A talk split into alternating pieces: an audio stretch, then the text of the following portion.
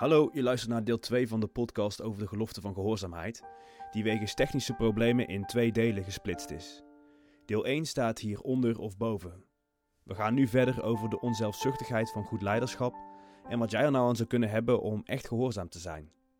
Excuses voor de onderbreking en veel luisterplezier. Ja, maar dat doet natuurlijk ook zeer, omdat uh, het gaat ook heel erg over uh, individualisme natuurlijk ook wel. Bedoel, dit, dat, Ja. dat, wij willen ook heel graag eh hè, rebelleren omdat we het gevoel hebben van, ja, maar mijn eigen ik hè, wordt hier aangetast. Eh nou, die horeca-ondernemers die het gevoel hebben van, ja, ik kan niet meer, ik kan niet meer zijn wie ik ten diepste ben. Maar eh, ik denk wat het mooie is aan de rebellie van het klooster is juist dat het ook heel erg gaat over. Zet een stapje weg van dat individualisme en ik kies voor een leven in een gemeenschap. Dus ik kies ervoor Ja. om af en toe dat, dat knagende stemmetje in mezelf, dat dan zegt: ja, maar waarom moet ik nou weer die boekjes afstoffen?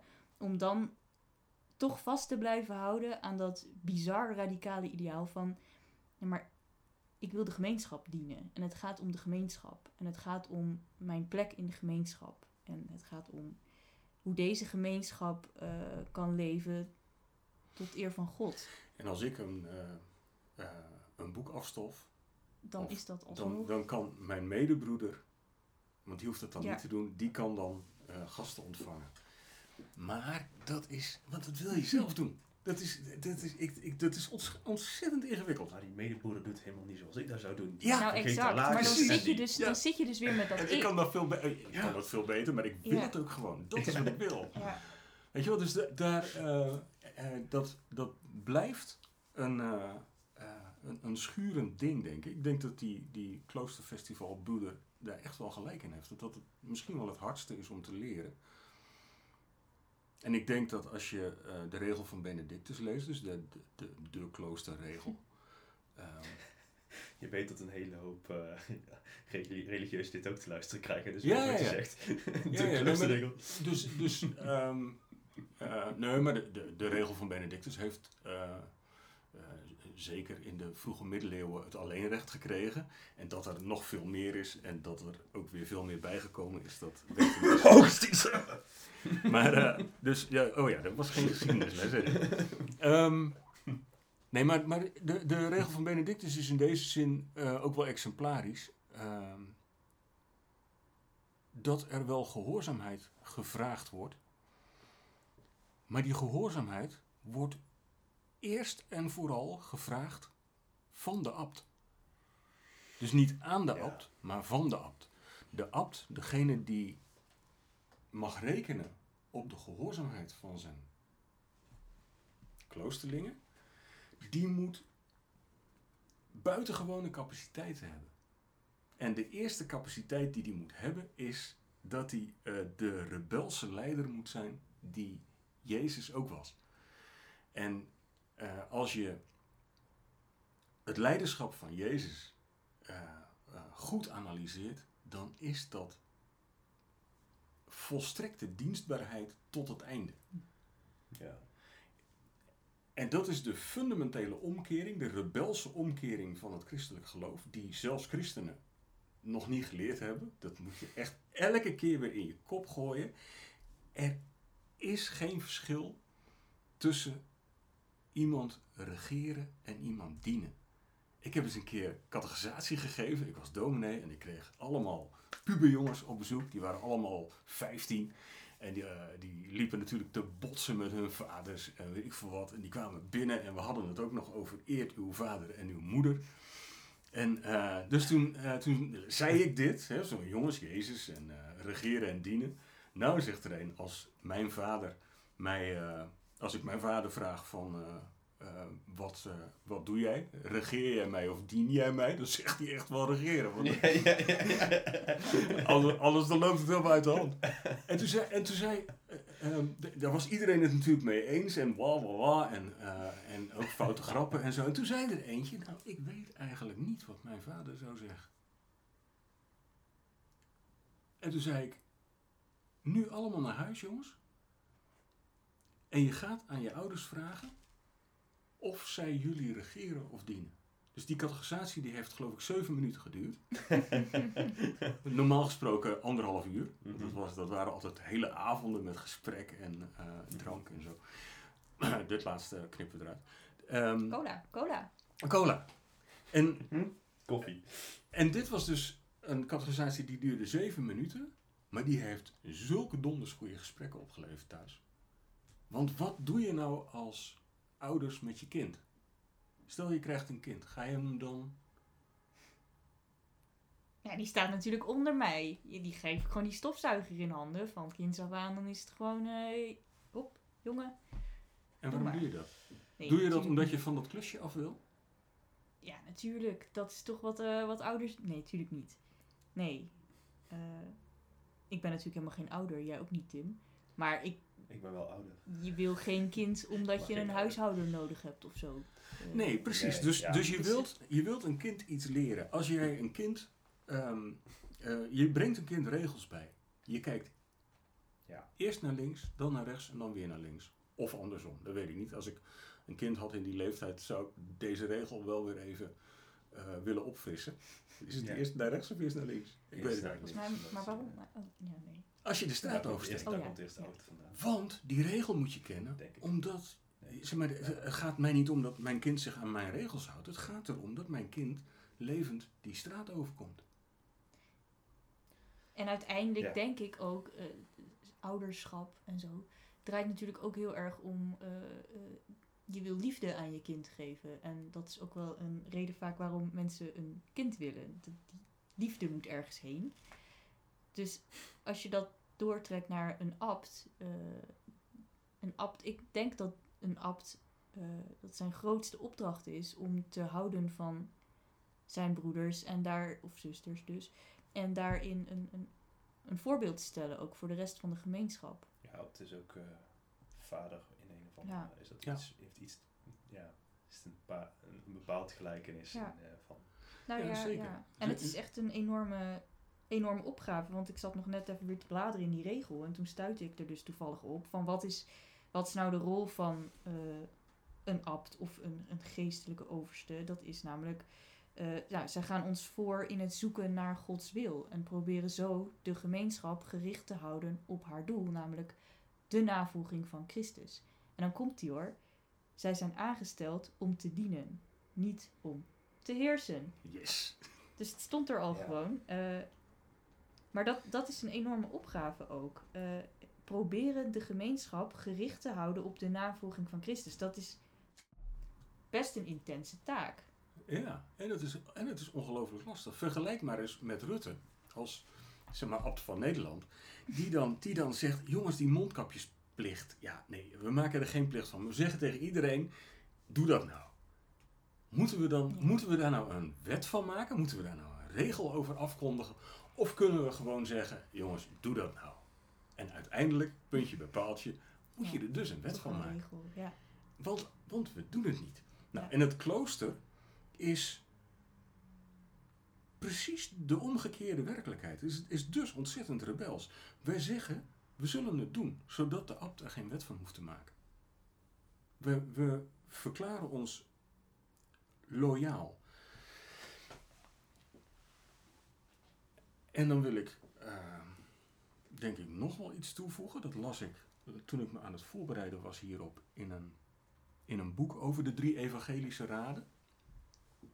Ehm, die, die, die, die geloften heten de drie evangelische raden. Ja, En daar schreef een monnik dat het ook gaat over gehoorzaamheid aan jezelf. Gehoorzaamheid in eh, de Bijbel, sowieso alles wat je doet, speelt altijd in, in drie relaties. Je hebt altijd de relatie tot jezelf, de relatie tot de ander en de relatie tot de ander met de hoofdletter. Dus het gaat, je bent nooit alleen, je bent nooit een individu. Je zit altijd in een gemeenschap met mensen, maar in die gemeenschap met mensen zijn ook altijd hogere idealen die met God te maken hebben. En in dat, in dat grootste perspectief van al die idealen en al die mensen, dat hele samenleving, ben je ook een individu die gehoorzaam moet zijn aan jezelf. En eh, de, de grap van, van het geloof is dat je alleen maar in dat evenwicht, als al die drie tot hun recht komen, dan kom je tot bloei. Dus gehoorzaamheid is in die visie ook echt heel serieus nemen, gehoorzaam zijn aan jezelf. En ik kan me dus voorstellen dat, uh, om nou maar eens even terug te gaan tot het voorbeeld van deze uh, gastenbroeder die archivaris werd. Ik kan me voorstellen dat hij gehoorzaam was geweest aan zichzelf als hij naar de abt had toegestapt en had gezegd: U zegt dat ik dit moet gaan doen en ik zal het doen, ik snap er geen donder van en het strijdt met alles wat ik in me heb. Leg het dan maar bij je vader neer. En laat die abt, en dat deden ze vroeger nooit, hè? dus abten waren vroeger, uh, hoor ik wel eens, uh, waren ta konden tamelijk rigide zijn. Maar ik denk dat ook dat vaderschap, zoals vaderschap altijd verandert met de cultuur mee, zijn moderne abten ook niet meer zo. Um, ik denk dat zo'n abt gevraagd mag worden om dat uit te leggen. Waar zit de liefde in de beslissing die jij nu over mij afkondigt?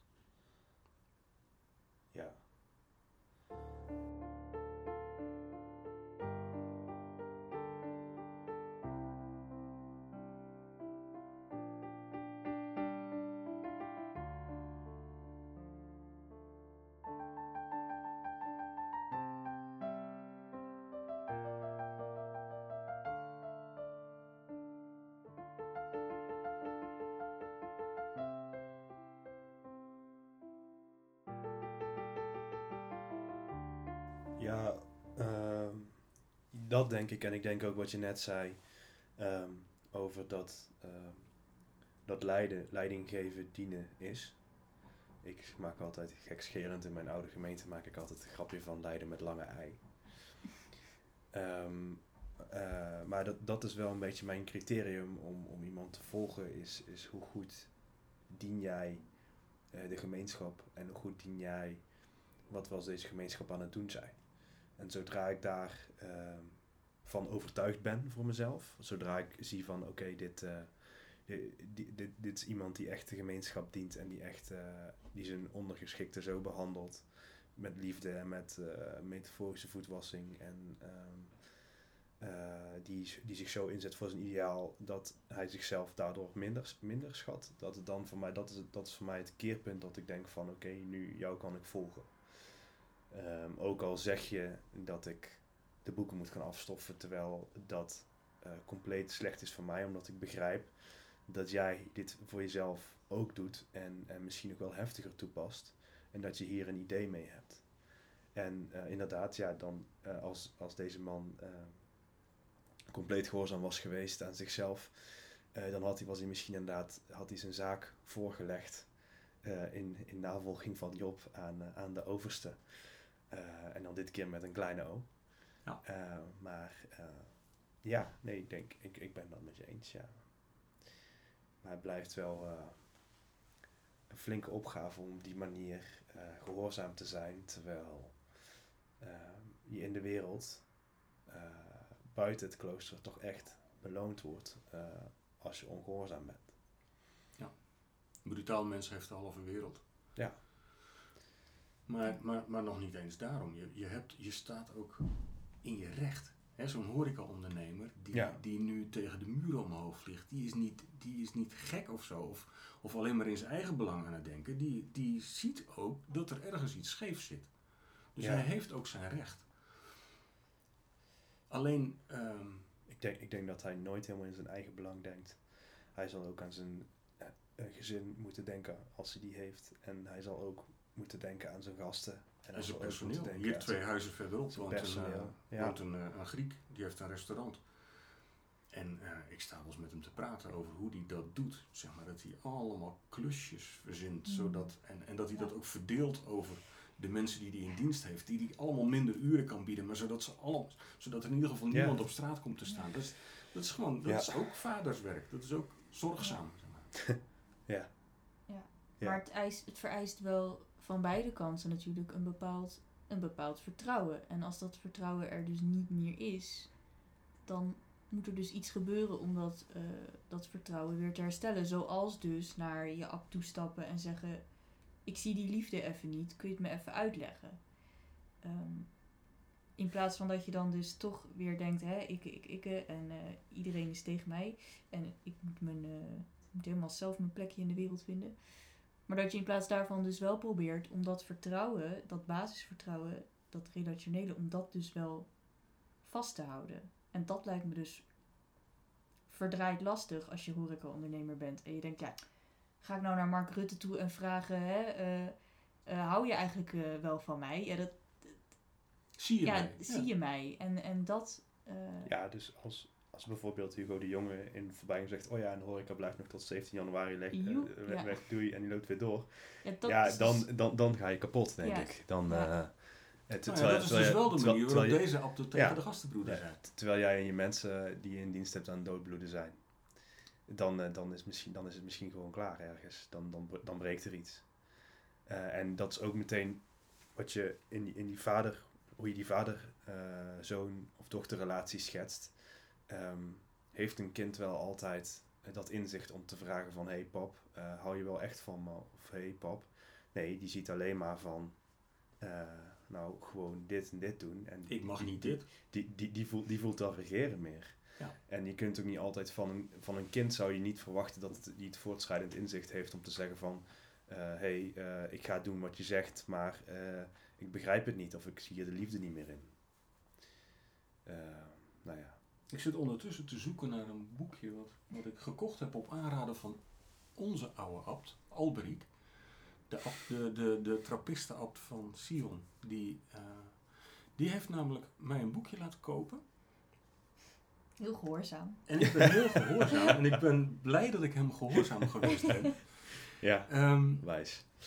Want hij zei, er is, er is tussen eh Cisterciënzer monniken en de mensen van de moderne devotie een crossover ontstaan. Dus, dus dan heb je twee gescheiden eh, religieuze werelden. Ehm, en er is in deze streken, hier rondom Deventer, een crossover ontstaan. Dat heet de colligatie van Siculo. En die hadden hun klooster georganiseerd, hun kloosters, op een hele aparte, hele onhiërarchische manier. En al in de vroegmoderne tijd, of late middeleeuwen. Dus de abt daar, las ik, dat had hij niet verteld, maar de abt daar, die. Het ene jaar stelde hij zijn eigen positie ter beschikking. En het volgende jaar mocht zijn congregatie het initiatief nemen. Dus elk jaar kwam er of van links of van rechts een, kwam de vraag op tafel: Jongens, ik doe dit nu. Ik, ik ben nu jullie abt, want jullie hebben mij gekozen. Maar doe ik het goed? En willen jullie dat ik het blijf doen? Of is er iemand in ons midden die het beter kan dan ik? Dus je had een soort, eh, zelfs de abt, in de middeleeuwen Ik wil er vanaf, ik wil er vanaf. ja. nou ja, dat, da- daar, zijn, eh, daar zijn voorbeelden van. Het, het is een functie die je krijgt en die vraagt nogal wat, verdorie. Ja. En als je dat niet aan kan, of als je denkt dat jij jouw, jouw gemeenschap er niet mee dient, nou ja, heb het daarover. Stel dat ter discussie. Ja, dat, eh, dat haakt misschien nog wel mooi aan op eh, wat deze betreffende broeder die ik op het Kloosterfestival eh, een aantal keer heb gesproken, heeft gezegd. Hij zei, wij, ja, hij was Franciscaan en hij zei, onze, onze orde is eigenlijk een omgekeerde piramide. Dus onze overste staat helemaal onderaan en elke andere broeder staat daarboven. Want de overste die, die dient eh, de orde. Eh, ja, dat vond ik wel mooi. Ik zie in ieder geval overeenkomsten. Nou ja, dan, dan wordt eh, gehoorzaamheid misschien zelfs wel een soort eigenbelang. Ja. Zo, ja, inderdaad.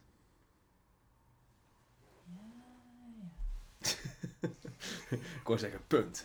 Eind podcast. Ja, nee, maar nee, nou, eh, wat vind jij daarvan, Oh, zuster Henk? Ja, nee, ik moet even wel tussendoor op die laatste zin. Gehoorzaamheid is eigen belang.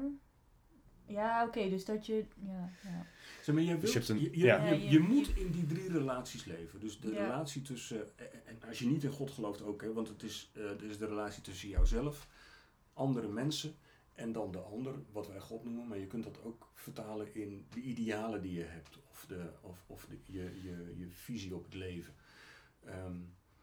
Eh, dus, dus, Het zou voor mij iets lastiger zijn, maar ik snap wat je bedoelt. Ja. eh, nee, maar het is goed. Ja, dus dus zeker. in, in die drie verbanden leef je en dat moet je in evenwicht zien te houden. En dat kan het beste als eh, de, de, de keuzes gemaakt worden door iemand die jij gekozen hebt. Ja, want ja, een abt is ook gekozen. Het is niet een geparachuteerde eh, eh, regent, zeg maar. Het zoontje van, ja. Ehm, nou ja, eh, in, in eh, kloosters is sowieso een erfelijke dynastie wat, wat onhandig, denk ik, vorm te geven. Daar komen we nog op, toch? Dat is Daar de gelofte van op, ja. Ja, volgende keer. Maar, maar als, en, en als, dat, ehm, als dat leiderschap wordt vormgegeven door iemand die geroepen is om in die rebelse cultuur van dat, van dat christendom en dat klooster te regeren als een dienaar. En iemand die in wie de liefde moet regeren zoals de liefde in Jezus regeerde. Ja, ik, ehm, Ik word liever geen abt, geloof ik. dat Ja, denk ik ook. denk ik is- word liever ook geen Mark Rutte, eigenlijk. Ik ken het voorbeeld van een kloostergemeenschap waar de abt zijn positie ter beschikking stelde. Die zei: Jongens, ik, eh, ik, ik doe dit nu en ik doe het al heel lang, maar ik, eh, ik hoef niet zo nodig. En liever niet eigenlijk. En er was niemand anders die het wilde doen. En ze waren ook eigenlijk blij dat hij het deed en hoe hij het deed. Dus is hij het gebleven. Oh, als zo'n iemand wil ik wel gehoorzaam zijn.